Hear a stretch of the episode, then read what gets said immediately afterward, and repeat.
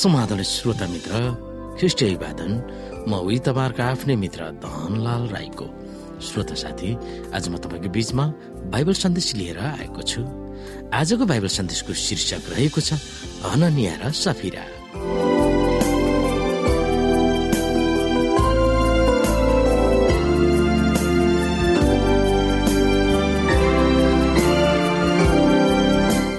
श्रोता सुरुमा चर्चको सदस्य हुनु अत्यन्तै मजाको समय थियो।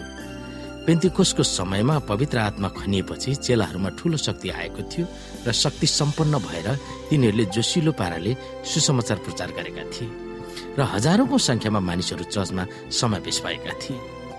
तिनीहरूले प्रार्थना गरिसकेपछि तिनीहरू भेला भएको ठाउँमा कम्प भयो र तिनीहरू सबैजना पवित्र आत्माले भरिए र तिनीहरूले साहससित परमेश्वरको वचन बोले।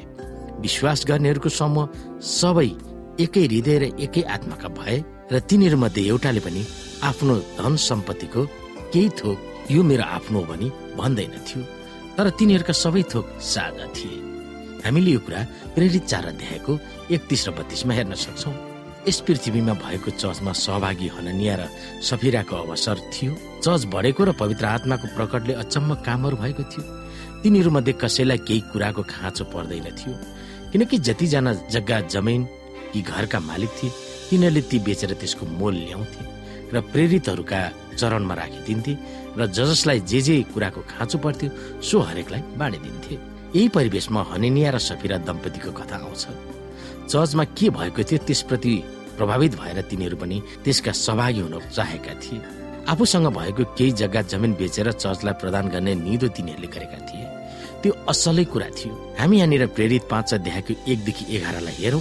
केही पैसा आफूसँग राखेर वा फटा कुरा गर्नु किन खराब थियो? त्यसको बदलीमा तिनीहरूले के कडा दण्ड भोगेका थिए? आउनु श्रोता हामी यहाँ एकदेखि हेरौँ।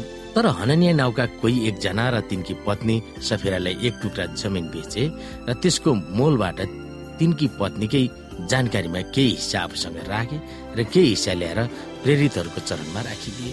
तर पत्रुसले भने ए हननिया पवित्र आत्मासँग झुट बोल्ने र जमिनको बिक्रीको मोलबाट केही हिस्सा आफूसँग राख्ने कुरा शैतानले कसरी तिम्रो मनमा भरिदियो? त्यो बिक्री नभइन्जेल के त्यो तिम्रो आफ्नै थिएन र? त्यो बिक्री भएपछि पनि त्यो तिम्रै अधिकारमा थिएन र?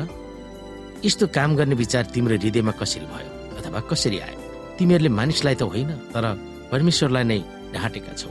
यो कुरा सुनेर हननिया भुइँमा लडेर तिनले प्राण त्यागे। यो सुन्नेहरू सबैमाथि ठुलो डर छायो।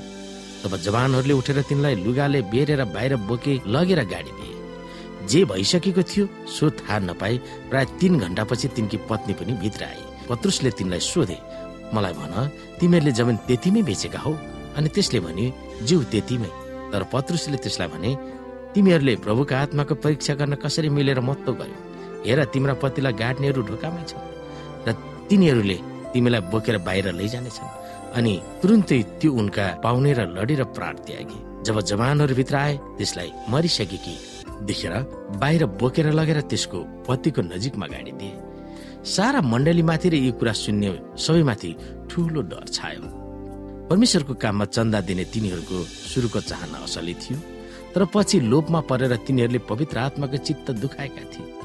जग्गा बेचेको पैसा धेरै देखेपछि तिनीहरूले आफ्नो प्रतिज्ञाको पछुतो गर्न थाले त्यसको फलस्वरूप तिनीहरूमा भएको ख्रिसको काममा सघाउन ठूलो काम गर्ने प्रतिबद्धताले गर्दा हृदयहरूलाई न्यानो पारेको मिठो आशिषको प्रभाव गुमाएको थियो। अर्को शब्दमा भन्ने हो भने सुरुमा तिनीहरू असली नियतले काम गर्न चाहेका थिए तर लोपले गर्दा तिनीहरू ढोगी हुन पुगे। अरूहरूको अगाडि तिनीहरू धर्मात्मा र त्यागी देखिए तापनि भित्री हृदयमा तिनीहरू त्यो थिएन। त्यसको फलस्वरूप जब तिनीहरूको नियतको पर्दाभास भयो तब तिनीहरू हृदयघातले मृत्यु भए। त्यसले गर्दा चर्चका सबै सदस्यहरूमा त्यो शून्यहरूमा ठुलो डर भयो। त्यस घटनापछि मानिसहरूले आफ्ना दशास होसियारी साथ फिर्ता गरेको हुन्थ्यो होला। तर याद गर्नुहोस् यो दुःखदायी विवरण बाइबलमा प्रति विश्वासिलो हुन चेतावनीको निम्ति लेखिएको होइन। बरु लोभले गर्दा हाम्रो गति के हुन सक्ने रहेछ भनेर सिकाउन यो कथा बाइबलमा समावेश भएको हामी मान्दछौ।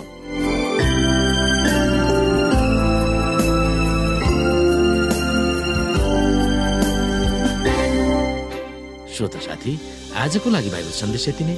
हस्त नमस्ते जय मसिंह।